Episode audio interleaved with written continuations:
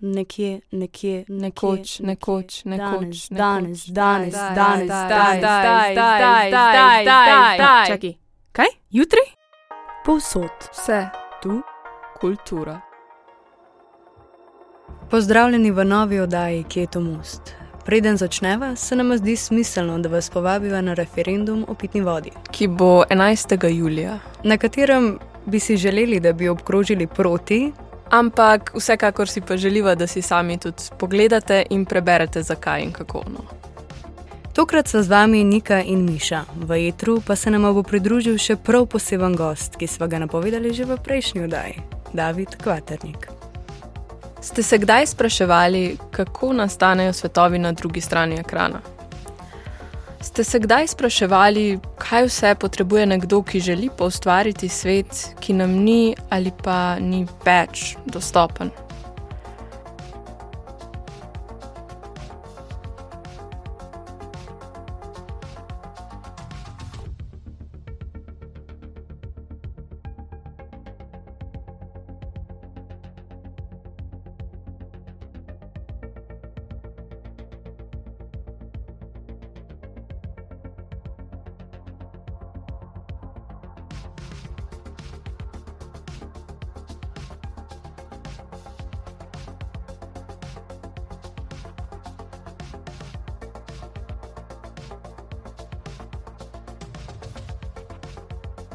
Kaj je tisto ključno, kar nas pritegne, kar naredi neko ustvarjeno resničnost, kot je naprimer v igri, replikah zgodovinskih dogajanj na televiziji ali virtualnem svetu, v katerega vstopimo s pomočjo VR-očal, resnično?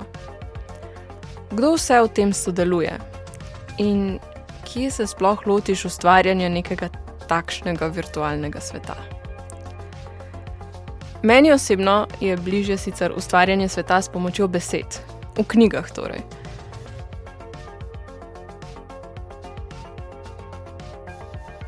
Nekako lahko sledim temu, kako ustvariti realistični svet. Imeti mora nek družbeni sistem, ki mu sledi, neko kulturo, tradicijo, navade, sleng, stvari, ki so jim samoumevne. V štoparskem vodniku po galaksiji je recimo popolnoma logično, da je brisača sila uporabna stvar in da jo vedno nosiš s seboj. Ponavadi ima svoj način trgovanja ali izmenjave, preživljanja prostega časa, izobrazbe. Ta svet ima svoje prepričanja in verovanja. Seveda ni nujno, da avtor vse zapiše, je pa vsekakor za prepričljiv svet potrebno, da prepriča tudi avtorja, ne le bralca. In ta avtor mora poznati vsako pikico tega sveta, ali pa ga z bralci, torej z nami, odkriva. A veš nekaj, da si sploh ne predstavljam, kako si je naprimer J.K. Rowling izmislila vse te like in prostore in situacije ter bitja, ki imajo ravno toliko veze z resničnim svetom, da si jih lahko predstavljamo, več pa ne. Koncepte in ideje, ki se zdijo tako logični in domači. In res se nekako zdi, da avtor do zadnjega detajla pozna svet, ki ga ustvari v svoji domišljiji. Kar je zanimivo, je, da nas najbolj pritegnejo torej svetovi, ki so po svojem vzorcu, če naredimo korak nazaj, popolnoma podobni našemu. To je definicija dobro ustvarjenega, izmišljenega sveta. Torej, da se sklada z našim. Če samo pogledamo prej naštete komponente takšnega sveta, izhajajo iz kompleksnega sveta, ki ga poznamo. Preprosto, nepredstavljivo ali pa dolgočasno, ko smo pri tem, nam je, če je svet recimo bolj preprost, z manj vplivi in povezavami. To pa seveda ne pomeni, da tak svet ni možen. Mi ga po drugi strani kar pometemo in pomendramo z besedami, da ni dobro ustvarjen. Ni to, le ne deluje po principih, po katerih deluje naš trenutno poznani svet. Meni se to velikokrat zgodi z japonskimi risankami. Po neki čudni logiki ne razumem mimike in premikanja likov, vrednot in načina, kako je vse skupaj sestavljeno. Zame je že to drug svet, ki ga po tvojih besedah pometam in pomendram, še preden mu dam še kakšno priložnost. Pa nič nimam proti japonskim risankam, samo ne pritegnejo me dovolj. Kar pa želim povedati je, da ni nujno, da je svet, ki nam je tuj, fantazijski. Lahko je le zgodba z drugega kulturnega prostora ali pa mogoče celo življenjska zgodba naše sosede. No, všeč mi je, da bo David za to v pogovoru z Mišo tokrat predstavil tisto bolj tehnično plat ustvarjanja svetov. Kako torej idejo preslikati na ekran skozi tehnologijo? Pogovor je definitivno vreden poslušanja, hkrati pa se Miša in David posvetita še marsičemu, kar nam bi zmoglo odpreti pogled na našo resničnost, ki postaja vse bolj in bolj prepletena z resničnostjo, ki obstaja znotraj tehnologije. Kot napovedano, je z nami v studiu David Kvaternik. Pogovarjala se bova o ustvarjanju virtualnih svetov, pa še o čem zanimivem. No, pa da kar začneva v bistvu. Kaj je vprašanje, ki se ga najprej vprašaš, ko se odločiš, da boš ustvaril nov svet ali igro? A je kakšen takšen specifičen postopek gradnje dobrega sveta, ki se ga poslužuješ? Na prvem mestu je za moje pojme vedno treba imeti uporabnika. Kako on dojema, kdo on je. Govorimo zdaj o idealnem uporabniku. To ne pomeni, da bodo pač vsi uporabniki točno taki, ampak mogoče že čist malo start-upovsko razmišljanje. Vedno probaš najti early adopterja, se pravi pač v start-upu. V našem primeru v bistvu ciljaš na najbolj na tistega userja, za katerega predvidevaš, da bo najpogostejši. In potem, če imaš seveda kakšne outlierje v eno ali drugo smer, se probaš prilagoditi njim. Um, istočasno je pa tudi sploh v našem področju zelo pomembno, um, mogoče je zelo slaba zadeva za začeti pogovor z njo, ampak je pač realna. Um, Kakšna so sredstva predvidena uh, v tem projektu? Uh, in mi smo v bistvu dost ponosni na to, kako se znamo prilagoditi uh, posameznemu budžetu. Ne? Tako da imamo pač nekatere projekte, ki jih del ekipe dela, ki so, bomo rekli, mikroprojekti. Imamo pa tudi projekte, kjer še veliko dodatne zunanje pomoči um, uh, potrebujemo, in pri teh so pa pač bistveno, bistveno, mislim, veliki projekti, ne, da temu tako rečemo. Tako da, in sposobnost se prilagoditi istočasno. Pa uh, ohraniti to, da nikoli ne pride, ne samo da ne pride do slabega produkta, ampak da je produkt zdaj ali, je, ali ima vem, 10 stopenj, ali ima ogromno ene interaktivnosti, ampak ne glede na budžet, rezultat mora biti wow. Logično, nekako iskanje srednje poti je bistvenega pomena. Predvidevam pa, da je za vsakim projektom ogromno dogovarjanja. Definitivno, dogovarjanje je ogromno, zato ker naša branža je zelo, zelo nova. In ne samo, da večina ljudi, ki te vpraša, um, pred parimi dnevi je bil vodovodar pri meni, me je vprašal, kaj delam sem rekel, na hitro pojasnil, že zelo izbranimi besedami, ne, in je bila pač seveda španska vasna. Um, da, ampak tudi pri naših klientih v bistvu imamo vedno, uh, bom rekel, še. Učimo zraven na začetku našega sodelovanja. Mogoče je to malo močna beseda, pojasnjujemo, pokažemo možnosti, dajemo naše predloge. V bistvu takoj začnemo graditi nek odnos, um, bom rekel, se malenkost abecede naučimo. Um, je pa zelo fajn, zato ker to ni, uh, nimamo mi predavanja z whiteboardom in poslušalci in enim predavateljem ali pa slideshovom, ampak mi začnemo z našimi igračkami. Oh, Tako da na nek način v bistvu začnemo z igranjem. Ja, ja, ja, ja na tak način verjetno še bolj pritegneš in narediš nekaj bolj zanimivo, bolj igrivo. Tako se mi zdi, da je tega ful premalo, kot bi lahko bilo. No.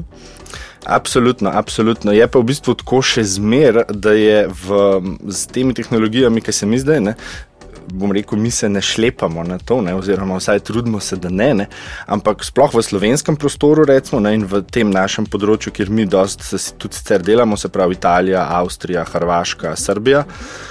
Tukaj smo te glavne. Mislim, potem, potem pa tudi, da ne kompliciram, naš, naš spin-off v bistvu še v Grčiji, ogromen dela. No. Um, v tem področju imamo še zmeraj wow faktor. Uh -huh. V bistvu vse naše igračke, če jim lahko yeah. rečem, imajo še zmeraj wow faktor že same po sebi. Ne. Zdaj, seveda, mi moramo imeti pač toliko odgovornosti, ne, da pač tega ne zlorabljamo ne, in pač nekoga dezlamo samo s tehnologijo, ne, da pač še zmeraj uh, imamo vrednost vsebine na prvem mestu. Ne. Ampak je pa občutna razlika, ne, kot prideš ti v London, recimo, ne, ali pa v San Fran. Uh, Koliko ljudi je v bistvu že tako širše, sploh v poslu, naprimer, ne, koliko so bolj seznanjeni s uh, našimi tehnologijami. A se ti zdi, da smo v Sloveniji nekako zadržani do uporabe XR? Definitivno počasneje, kot bi si mi želeli. To je v bistvu samo evidentno. Ampak jaz mislim, da kar lahko objektivno na to gledam, bi rekel, da ja, dokaj počasi.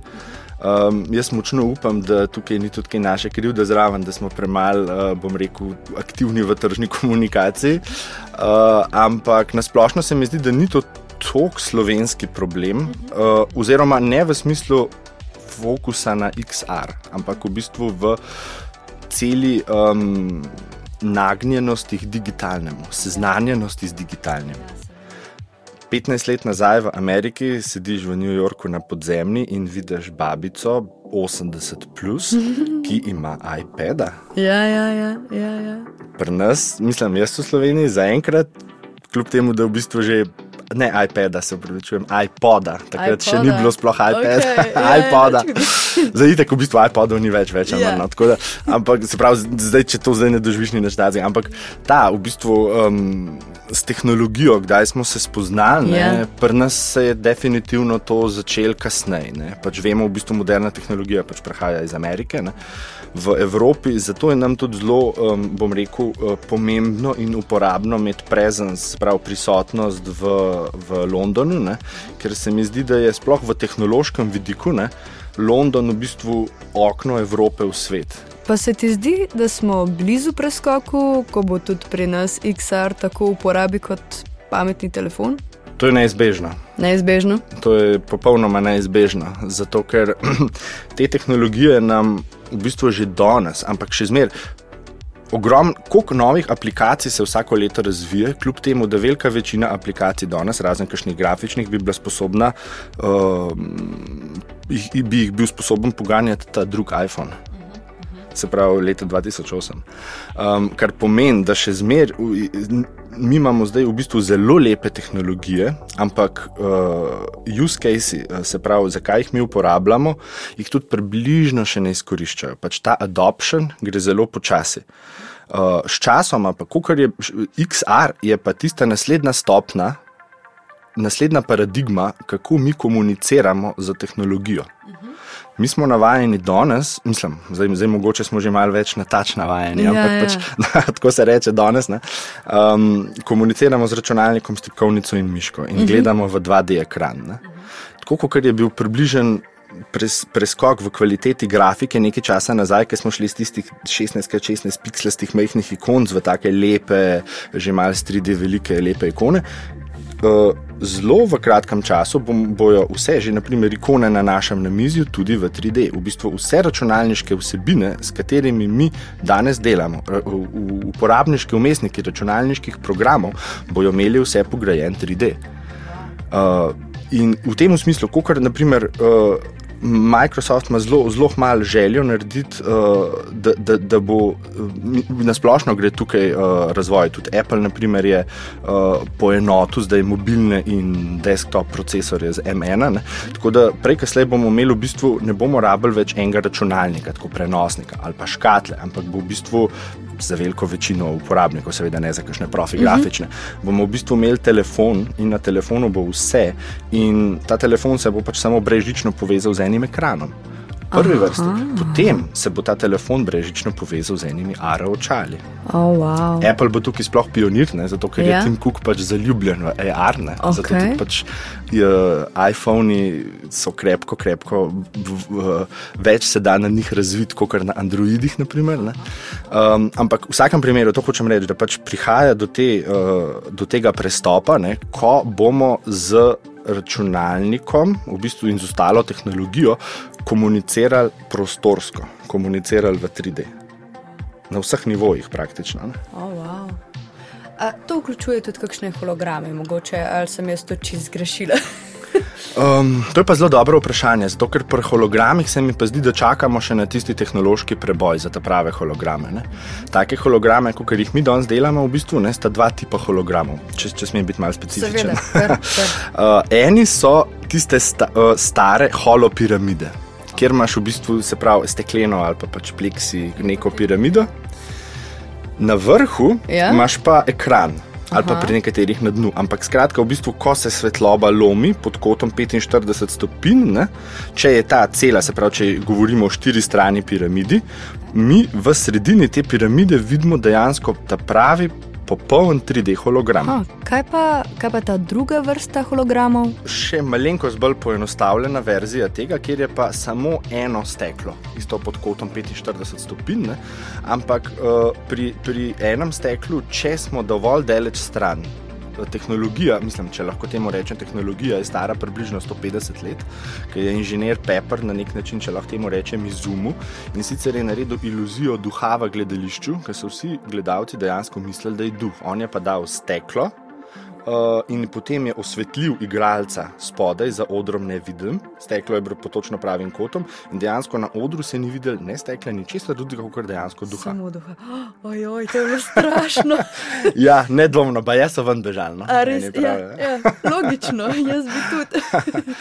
Uh, tako da ta zadeva je v bistvu zelo uporabna, zato ker lahko, naprimer, pri kakšnih dogodkih, kjer imamo vem, en odr, ne, um, Eni naši partnerji, prav iz San Francisca, ne, imajo prav tako v bistvu njihov poslovni model, je, da uh, določene, sploh zdaj s korono, ne, je to proliferiralo, ful, ne, ker dejansko lahko v bistvu posnamejo pač za green screenom ali pa za black screenom uh, nekega igralca, komedijanta, naprimer, niso naredili en stand-up, uh, štirih, Kris Rock je bil med njimi. Um, štirih, v bistvu, ki so, bili, ki so si delili stage, se pravi, občinstvo jih je videlo, kot da so oni skupaj na odru, kljub temu, da so bili vsak na svojem koncu sveta. Oh, wow. Zato, ker pač so bili pod takim kotom, ne, da so dejansko videli samo v bistvu, njihov duh, svetloba je bila ta prava ne, in to so bili hologrami. Ne. Tako da iz, iz samih, kaj, kaj lahko vsebinsko gledano, ne, že danes lahko prikažemo s hologrami veliko. Mi jih rečemo tudi prav holograme, imamo v bistvu zelo velik ekran in veliko piramido, in pri samem 3D modeliranju ali pa v bistvu pri delu s 3D modeli dejansko uporabljamo holograme. Ne. Naprimer, zmodeliramo nek grad in si ga ogledamo v 3D, kako dejansko izgleda, čisto kot del delovnega procesa. Ne. Um, ampak se pravim, za, um, za tem, kaj pa prihaja, ker smo se pogovarjali o prihodnosti, ne, um, prihaja pa nek način Star Wars. Okay, Wars. Ta tehnološki pripo, pri, um, preboj rabimo. Ja, ko bo ja. pač tam en dron se sprehajal in bo pač iz, iz, iz popoln 3D hologram v prostoru se pojavil, ne glede na svetlobo, ne glede na stekla okolje in tako naprej. To, to, pa še, to, pa, to smo pa še kar daleč od tega. Okay. Veš, kaj me zanima, kako v bistvu sploh prideš do tega, da postaneš razvijalec oziroma virtualni svetov, pa ne vem, še z ostalimi stvarmi, ki se ukvarjate. Kako sploh, a to rabiš na programersko šolo, rabiš kakšne tečaje gledati, ali se sam naučiš, ali kako? Jaz bi rekel, da nam je edina, da je kolikor ljudi se nas tem ukvarja, toliko različnih zgodb. Uh, če bi pa mogel izbrati eno zadevo, bi pa rekel, ali fascinacija samo tehnologijo, pa mogoče gaming. Ok, okay seveda, logično. uh, kakšna je bila pa tvoja pot, če smemo vprašati? Ja, ja, ja, moj študij je bil popolnoma nepovezan s tem. Okay. Ker je v mestu prišla kriza 2008 in je v bistvu uh -huh. tisti razlog, zakaj sem šel študirati, ker sem šel študirati, je pač bil razvrednoten v celoti. Uh -huh. uh, tako da potem sem iskren, mislim, ta študij sem še nadaljeval, ampak vedno bolj sem čutil, da to ni za me. Ne. Potem smo bili pa, evo, čist konkretno, ne, 2011 v Iranu na potovanju. Um, in jaz sem pa že od, od nekdaj, odkar pomnim, res totalen, totalen zgodovinski geek, freak. Okay, okay. uh, neverjetno me pač odnegdaj fascinira. Ne? In prav v Iran se spomnim, že ko sem prav ene stripe bral. Um, zgod, zgod, v bistvu so, mislim, da so bili svetopisanski stripi, če se ne motim, ker je bila detkova ideja, kako bom jaz svetopismo bral, brat me pa zelo stripne. Um, ampak so mi bili tako zanimivi, da sem vse prebral na koncu. Um, in, in je bilo že v bistvu v Perziji noter. Skratka, hočem reči, da že od majhnih nog sem gojil fascinacijo do enega sajta in potem sem ga imel priložnost, se pravi, do, do, do neke pač zgodovinskega uh -huh. lokacije. Uh -huh. Potem sem ga pa videl na lastne oči. Ja. In šok je bil na nek način dvojen. Po eni strani mi je bilo neverjetno, kako lahko ostali v skupini, uh, kjer sem bil, in bil sem deleč najmlajši tam. Več ali manj so bili pač vsaj med okrog 50, bi rekel, da je bila poprečna starost. Um, kako je bila tako majhno zanimanje za to? Dejansko je pač. Um, Nobenemu ni ne vem, kako neki velik pomenil. V redu, pač kaj naredimo dobro fotko. Ja, ja, um, iz sence do sence, ker je tam pač zelo vroče na čistem soncu. Ja, ja. um, to je bila ena zadeva, druga zadeva pa imel sem v glavi zgodbe, ki so se tam dogajale kako je naprimer, uh, poražen Temistokles, uh, ne poražen, v bistvu izgnan, prišel tja perzijskemu kralju, katerega je prej premagal, oziroma njegovemu nasledniku. Hočem reči, in potem kako je Aleksandr tisto požgal, uničil vse na polno. Um, hočem reči. Tam so se stoletja in stoletja dogajala zgodovina. To je bila v bistvu prestolnica enega velikega cesarstva, ki je velik pečat pustila na zgodovino. Ampak kaj pa mi smo videli tam ohranjeno? Bore, bore malo če smo čisto iskreni, pa ne mi vsi, uh, vsi uh, arheologi in zgodovinari, s katerimi delamo, oprostijo, ampak videli smo nekaj, nekaj temeljev, pa, pa nekaj stebrčkov. Uh, v bistvu smo videli en kup kamna, pa ene par lepih reliefov, še ustvarjenih. Z vsem spoštovanjem, da bi to videl. Seveda, seveda. Ampak ta razlika, ne, ta to razlika. hočem reči. Ja. In tukaj se je v bistvu začel tukaj je bilo v bistvu rojstvo te ideje. Ne.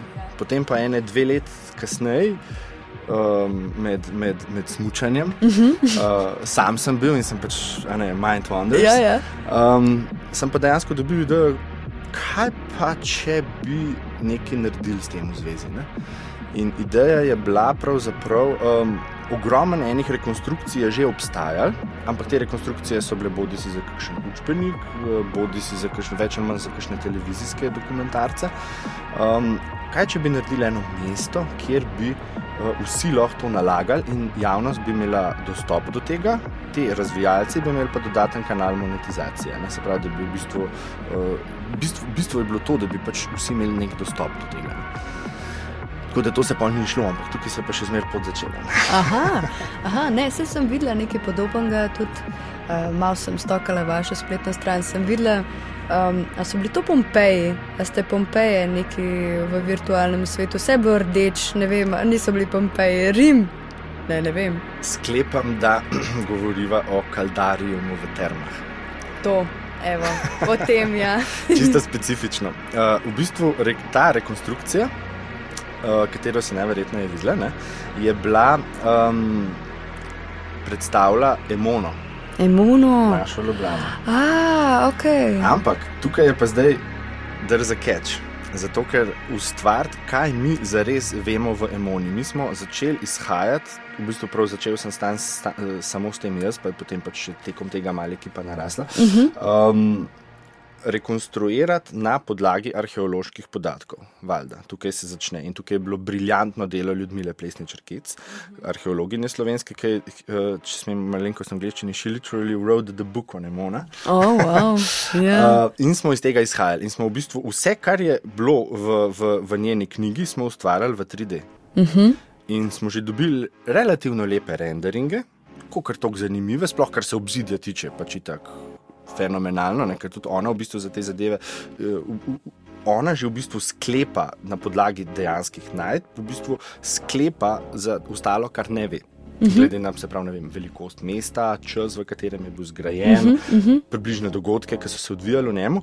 Um, ampak, ko pa pridemo, potem smo pa mi v bistvu imeli željo narediti VR experience, emone ko začneš pa v VR razvijati, uh -huh. pa ne, ne govorimo več samo pač o, nek, o nekem renderingu, se pravi o, o neko, da bi naredil neko sliko iz Ja. enega zornega kota, ampak ti dejansko si v prostoru. Vstopaš noter, ja. v notranjosti. Uh -huh. In že samo, če gledaš ti samo gole stene, uh -huh. je popolnoma nekaj, kar je bilo prej zanimivo, Ja, rata dolgočasno. ja seveda, ja.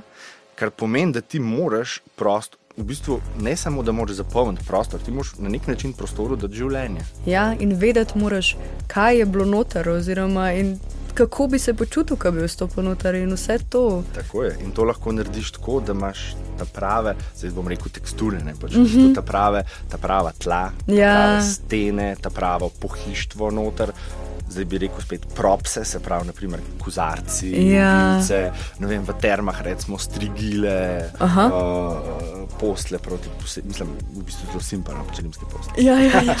Um, ampak kar pomeni, da moraš ogromno velik podatkov imeti v tej notranjosti. Uh -huh. In če hočemo, naprimer, za rimsko civilizacijo, da bi, da bi rekli za Emono, to je bilo pa zdaj tukaj v Emoni, pika fertik. Je ne mogoče, to pač brez dejanskega časovnega stroja, ali uh -huh. Back to the Future je pač ne mogoče vedeti. In lahko pa pač sklepamo, vzamemo vse podatke, ki jih je možno dobiti, ja? in potem iz njih sklepamo tiste stvari, za katere ne vemo.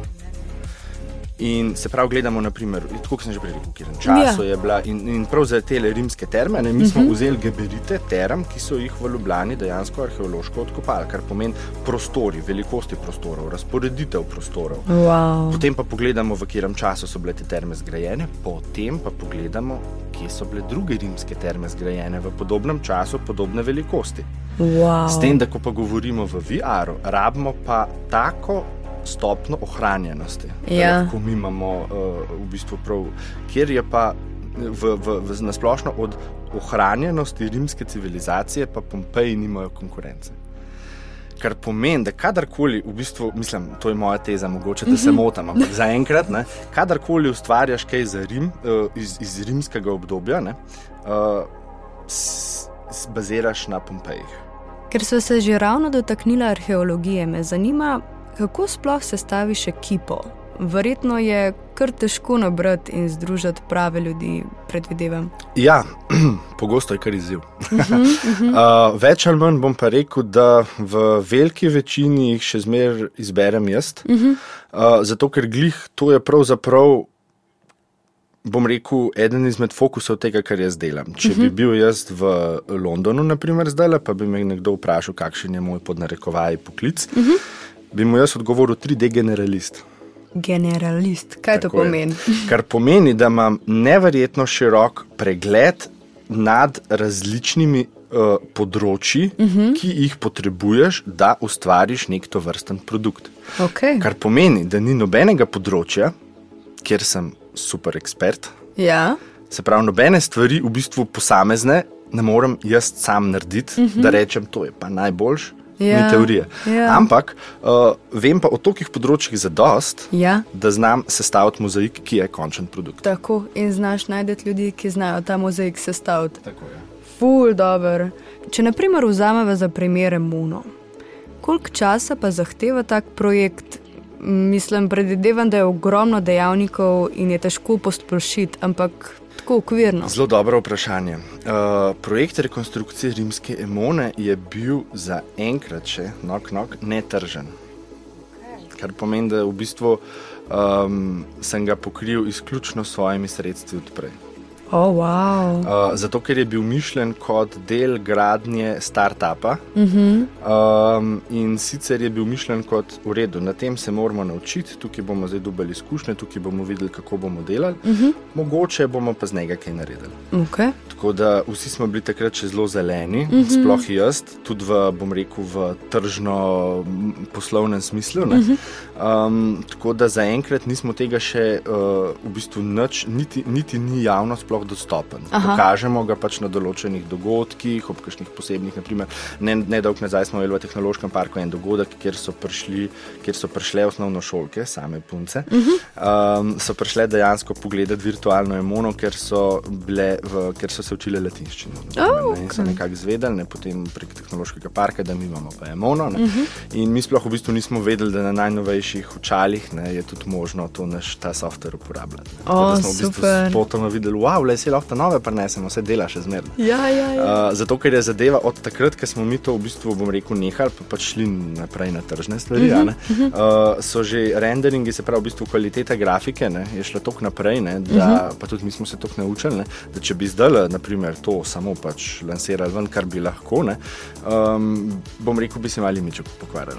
a res? Uh, pa, a se to sploh da popravljati? Tako, E, jaz si to sploh ne predstavljam. Je to kakšen programski zapis v bistvu ali kako? A to izgleda kot koda, ki se potem preslika v virtualno resničnost ali kako to izgleda? Uh, tako čisto v osnovi. Mislim, zakaj? V osnovi, mislim, eno je 3D model.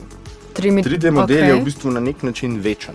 Ja. Ko imaš pač 3D model, se pravi, zdaj v bistvu govorimo v točkah v prostoru, se pravi, v bistvu vsak, to je zdaj čisto splošno, v bistvu za vse 3D modele, ne, imamo mi, no, v bistvu ni za vse, ker eni so solid, drugi so pa meni. Skratka, za, za, za nekatere 3D modele, s katerimi mi največ delamo, okay. so v bistvu meš, so mreže, kar pomeni, da imamo mi točke, se pravi, v bistvu v filu so informacije o lokaciji točk v prostoru, uh mhm, -huh, med okay. črtami, ki potekajo med temi točkami, in med ploskvami. In med ploskvami. Okay. Tako bi nekako pisal sam 3D model.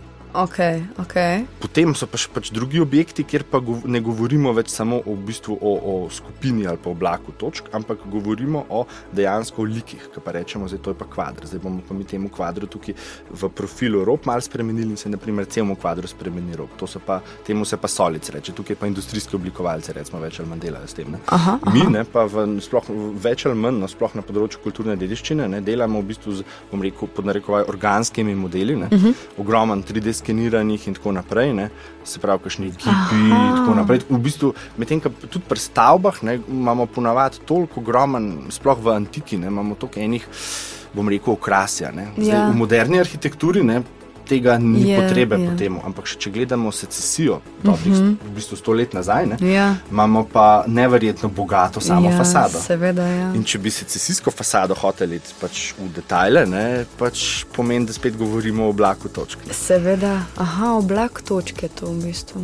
Uh, oblak točke je pravzaprav tisto, kar dobimo iz 3D skeniranja. Ne? 3D skeniranje pa zgleda kako? Ozameš eno mašino in hodiš okrog in skeniraš. um, Če rečemo, da je 3D skenirano lasersko ske, uh, skeniranje, potem ja. Če rečemo, da je 3D skeniranje, uh, skeniranje z infrardečimi kamerami, v bistvu kamerijo globino, spet ja, to sta dva načina. Ta tretji način pa zelo, so pa zelo različna mnenja na svetu, ali spada pod 3D skeniranje ali ne, ali v bistvu gre za čisto eno samostojno ustvarjanje 3D modelov, je pa fotogrametrija. Okay. Pri fotogrametriji pa mi v bistvu iz fotografij sestavljamo 3D modele. Kar ah. pomeni, da mi probamo, recimo, tukaj imam pred sabo zdaj kozarec, kar je sicer neverjetno težko, ker je pač v 3D skeniranju na splošno zelo težko delati z, z odsevi, z, z prozornimi površinami. Se pravi, kozarec bi bil problem, voda bi bila problem. Okay. Kozarec bi mogli našpricati z enim sprejem, voda da dva in tako naprej. Okay. Um, Teoretično rečemo, da bomo pač naredili foto, s fotogrametrijo uh, uh, 3D model tega kozarca. Bomo mi začeli delati fotografije uh, v 360 stopinj okrog tega kozarca iz zornih kotov, ne vem, na vsake nekaj stopinj. Uh -huh, uh -huh. In mhm. potem še iz, v bistvu iz Z. Uh, koordinate, se pravi, moramo iti še, v, še na gor. Še na gor. Uh mhm. -huh. Tako da v bistvu iz vseh okolij in okolij probujemo čim bolj enakomerno uh, narediti slike. Kaj pa v gospodi? Uh, dobro vprašanje. Uh, doskrat, sploh, ko imamo kakšne like ali pa kaj takega, ja. moramo mal biti zelo, zelo iznajdljivi, ne, pa s kakšnim laksom mal pretrditi, ali pa celo s kakšnim magnetkom. Včasih si celo 3D ne printamo podstavke, zato da lahko nekaj poskeniramo, pa pol predstavimo, pa pol pač združimo tisti, kjer je bil podstavek. Wow. Tako da to, to ja, zna biti dosti komplicirano. Ja, ja, ja. Ampak bistvo je, v bistvu, da računalnik potem zgenerira iz tega na računalniku stvar 3D model. To je briljanten, S- s- še zmeraj moraš seveda pač poznati neke pravilnosti, neke uh -huh. zakonitosti, sploh pri večjih modelih, potem georeferenciranje, velikost in tako naprej. Ampak veliko večino dela, bodimo iskreni, tukaj naredi računalnik, matematika iz različnih slik ekstrapolira, kje pa bi bila ta točka in premleva in premleva in premleva in nam da 3D model. Wow. Okay. Jaz sem si to predstavljala čist bolj enostaven, kot dejansko je, ampak to s fotografijo kar dobro razumem. No, tisto s točkami je mogoče malo slabše, ampak vse te stvari jaz tako bolj počasi konzumiram. Veš, sem gledala ene videe o X-arju, pa o vseh teh stvarih. Jaz sem bila tako zmedena, sem gledala tako cel dan in sem rekla, ok, se bo šlo. Ampak tako, ful mi je zanimivo, no, koliko je to poglobljeno, tako ful. Kot da bi čist nov svet odkril v bistvu. Ja, definitivno. Ja. Definitivno, ampak mislim pa, da ni tako težko, kot je na začetku občutek. No. A res? Mislim, seveda ne morem biti tukaj čist uh, objektiven, no, uh Mhm. -huh. ampak uh, jaz mislim, da je na začetku zgleda bolj overwhelming, kot dejansko je. Sploh, ker glih to je večinoma, ne, se vsak pač usmeri v nekaj. Mhm, Ne. Ponavadi se nekdo, ki se s 3D skeniranjem ukvarja, rata res dober v tem, Ja. oziroma z enim tipom 3D skeniranja se pač ukvarja s tistim in res rata zelo dober. No. Ja. Tako da tukaj v bistvu moj del ne, je bil pa tukaj sliš bolj, bom rekel, teži, ne, zato ker pa v bistvu poznam pa pač ogromen enih stvari ne, iz različnih področji, ne, uh, zato je mogoče se malo bolj sliši bolj intimidativno. Mm -hmm, Ampak jih pa ne poznam spet v take nore detajle. ne, tako da- Če v VR svetu lahko poustvarimo preteklost in skreiramo nekaj čisto novega, a ste že kdaj ustvarili svet, ki že obstaja v kakšni knjigi, naprimer? bi se naprimer lahko lotil Alice v čudežni deželi? Definitivno, Okay. lahko bi. Če bi imel voljo, verjeten. Um, bom rekel, če bi imel financiranje. Če bi imel financiranje, ja. Verjetno je tega v Sloveniji kar mogoče bolj malo. Ali... No, prvo kot prvo, mi se ne limitiramo Slovenijo. ne. Aha, ja, seveda. Uh, ampak uh, probamo tudi si vzeti med siceršnjimi projekti, če imamo kakšno pauzico vmes, ali pa kadar imamo mogoče zelo, zelo, zelo naporen, pa si je treba narediti kakšno pauzico. Mm -hmm. Gremo kakšne zadeve delati, ki so, ki so še zmeraj digitalne. Ne, Se pravi, uh, ne gremo na ročen futbol ali pa na biljard, ne, ampak Ja. yeah. rečemo, zdaj pa gremo, gremo modelirati nekaj za joke. Ne. Okej. In Tako smo naprimer naredili en, uh, smo Delorejana zmodelirali iz Back to the Future. Ne? In smo lepo na Delorejan dali naš logotip gor, ne? in Ja. potem smo svoje 3D modele sebe. Ne? V bistvu oddal v pozo, pri kateri sediš v avtu in se nalimal noter, in potem v bistvu selfije delali, kjer je vsak posamezno v Delorejanu noter, Ja. ja. v enem tunelu skozi space-time uh, črvino. Ne? Oh, wow. Uh, tako da doskrat se gremo, kakšne, ali pa naprimer, ne vem, za korono. To je na, na našem. Obljubili smo si, da bomo malo na našem TikToku začeli širiti to. Ja, uh, kakšne take zadevce. ne. Ja. Naprimer, ne vem, za koronavirus smo naredili še preden je resno ratalo. ne. No, zdaj, zdaj smo pa v bistvu to še obrnili, ne, ker smo videli, ne, da je ta spike protein drugačen. Tako da smo še za 180 stopinj zarotirali flašo, da je res kot spike protein. Uh, in zdaj smo v bistvu do tega prišli, da bi mogoče celo lahko malenkost to monetizirali, uh -huh. da, bi, da bi to v bistvu nam mal plačali za hrano in pijačo v našem downtimeu, če rečemo. Ja, ne. ja, ja. Uh, in sicer z NFT-ji, pa kaj je to? non-fungible token. To je ne v vem, bistvu kaj je. način, kako. Uh, To je pa zdaj čist, se upravičujem, če gremo malenkost v kripto svet. ne. Okej. Ampak recimo, da imamo dolarske kovance. Ja. Vsi so isti. Uh -huh. V smislu, vsi imajo enako vrednost. Ja. Kar pomeni, če ti daš meni bankovt za 5 dolarjev, ja. uh, pa ti jaz dam 5 kovancev po 1 dolar nazaj. Ne Je bi isto. bilo problema. Ja. Isto.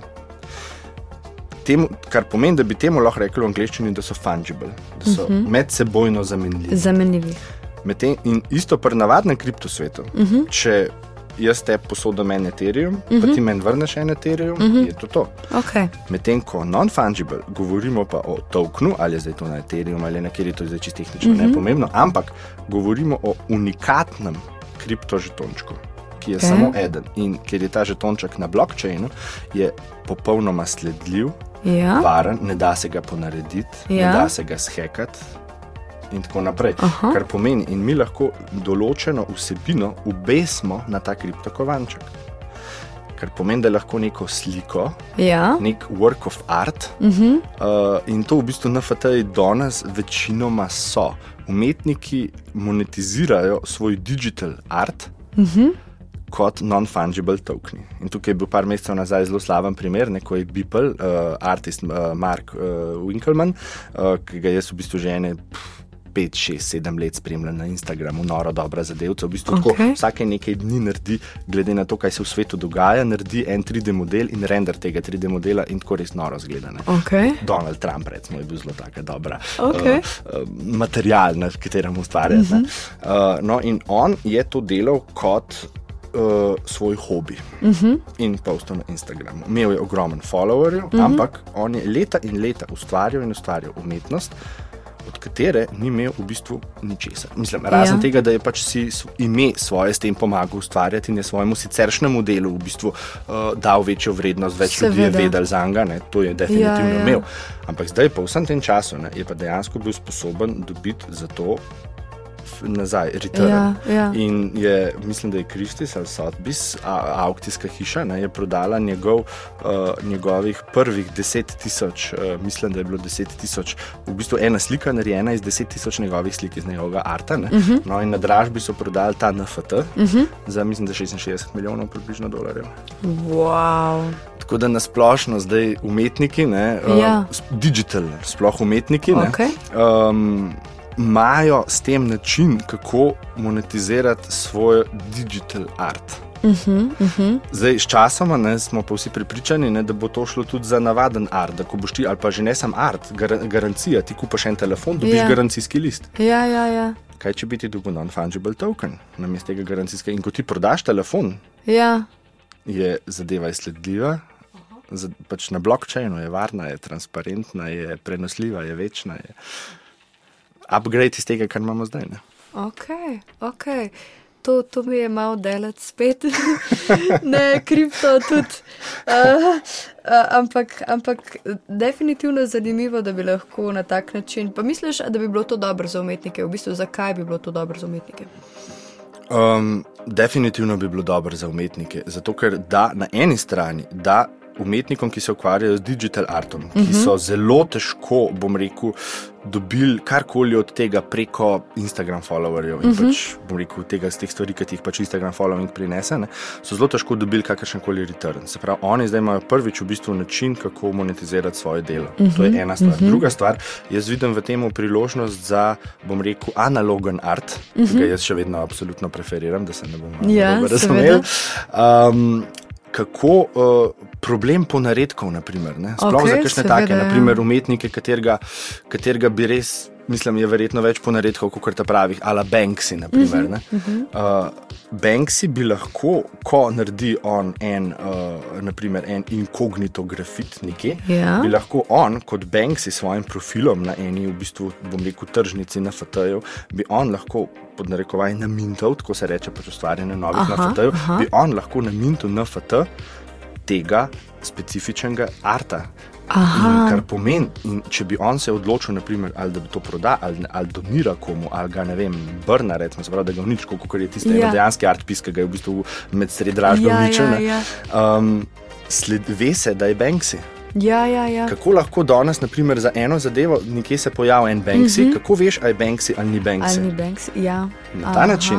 Takole veš. Kot nek certifikat v bistvu. Tako je, tako je. Tako okay, je. okay. Prenosljivost, sledljivost. Ne na zadnje, tudi še ena zadeva, ne, ki je zelo težko doseči v analognem svetu. Ne, in sicer nekdo kupi nek art. Uh -huh. Se pravi, artist dobi za to kupnino. Ja. Potem pa ta, recimo, da, naprimer, da je kupil en vlagatelj, dolgoročni, ne, ki pač računa, da bo šla vrednost na gor. Ne, Ja. proda to naprej, potem um proda naprej, um proda naprej. Artist osnovni nima od tega nič več. On je pač prodal enkrat in to je bilo to. Ja, ja, Na ja. FT-ji nam pa omogočajo, da ob vsaki transakciji artist dobi pis. O, super! Evo, no, to pa je ena zelo pozitivna novica, ki se mi zdi, da se res tako slabo plačujemo umetnost. Zdaj pa mogoče še zadnje vprašanje, ki z nikomava v bistvu včasih malo bolj filozofske uh, teme in me zanima, a se Kdaj sprašuješ, če v bistvu tudi sami živimo v simulaciji, glede na to, da mogoče bomo z virtualno resničnostjo lahko ustvarjali tok realen svet, da bo mogoče razlika z pravo resničnostjo, če jo sploh lahko rečemo prava resničnost, tako majhna, da v bistvu ne bomo mogli več ločiti med njima. A se ti zdi, kdaj, da živimo v simulaciji? Um, ne bom rekel, da se mi zdi, um, zato ker mislim, da imam, vsaj zase, mislim, da imam preveč racionalen um. Da, uh mhm. Se pravi, tudi v primeru, če živim v simulaciji, pač jaz ne morem na to vplivati. Se pravi, pač tudi če sem, tudi če igram eno igrico v eni simulaciji, ne vem, bom rekel temu, um, da imam nek ne bi rad jih rekel vera, ampak da imam pač, sem, verjetno sem z namenom tukaj. Uh mhm. -huh. Raj, raj izberem, da mislim, da sem z namenom tukaj, ker je popolnoma vse naključno. Okay. Um, in v, če, je bilo pa to vprašanje tudi mene zelo zaposlovalo, ne? ali dejansko živimo v simulaciji. Uh -huh. In marsikater zelo velik um je mnenje, da je verjetnost večja kot ne. Ja. Um, in če spoštujem ostale dognanja mm -hmm. takih umov, potem ne morem to, kar bom rekel, odvršiti, od, yeah. Ja. završiti. Um, določeni, matematični, uh, določeni matematični dokazi uh, kažejo na to, da je to možno.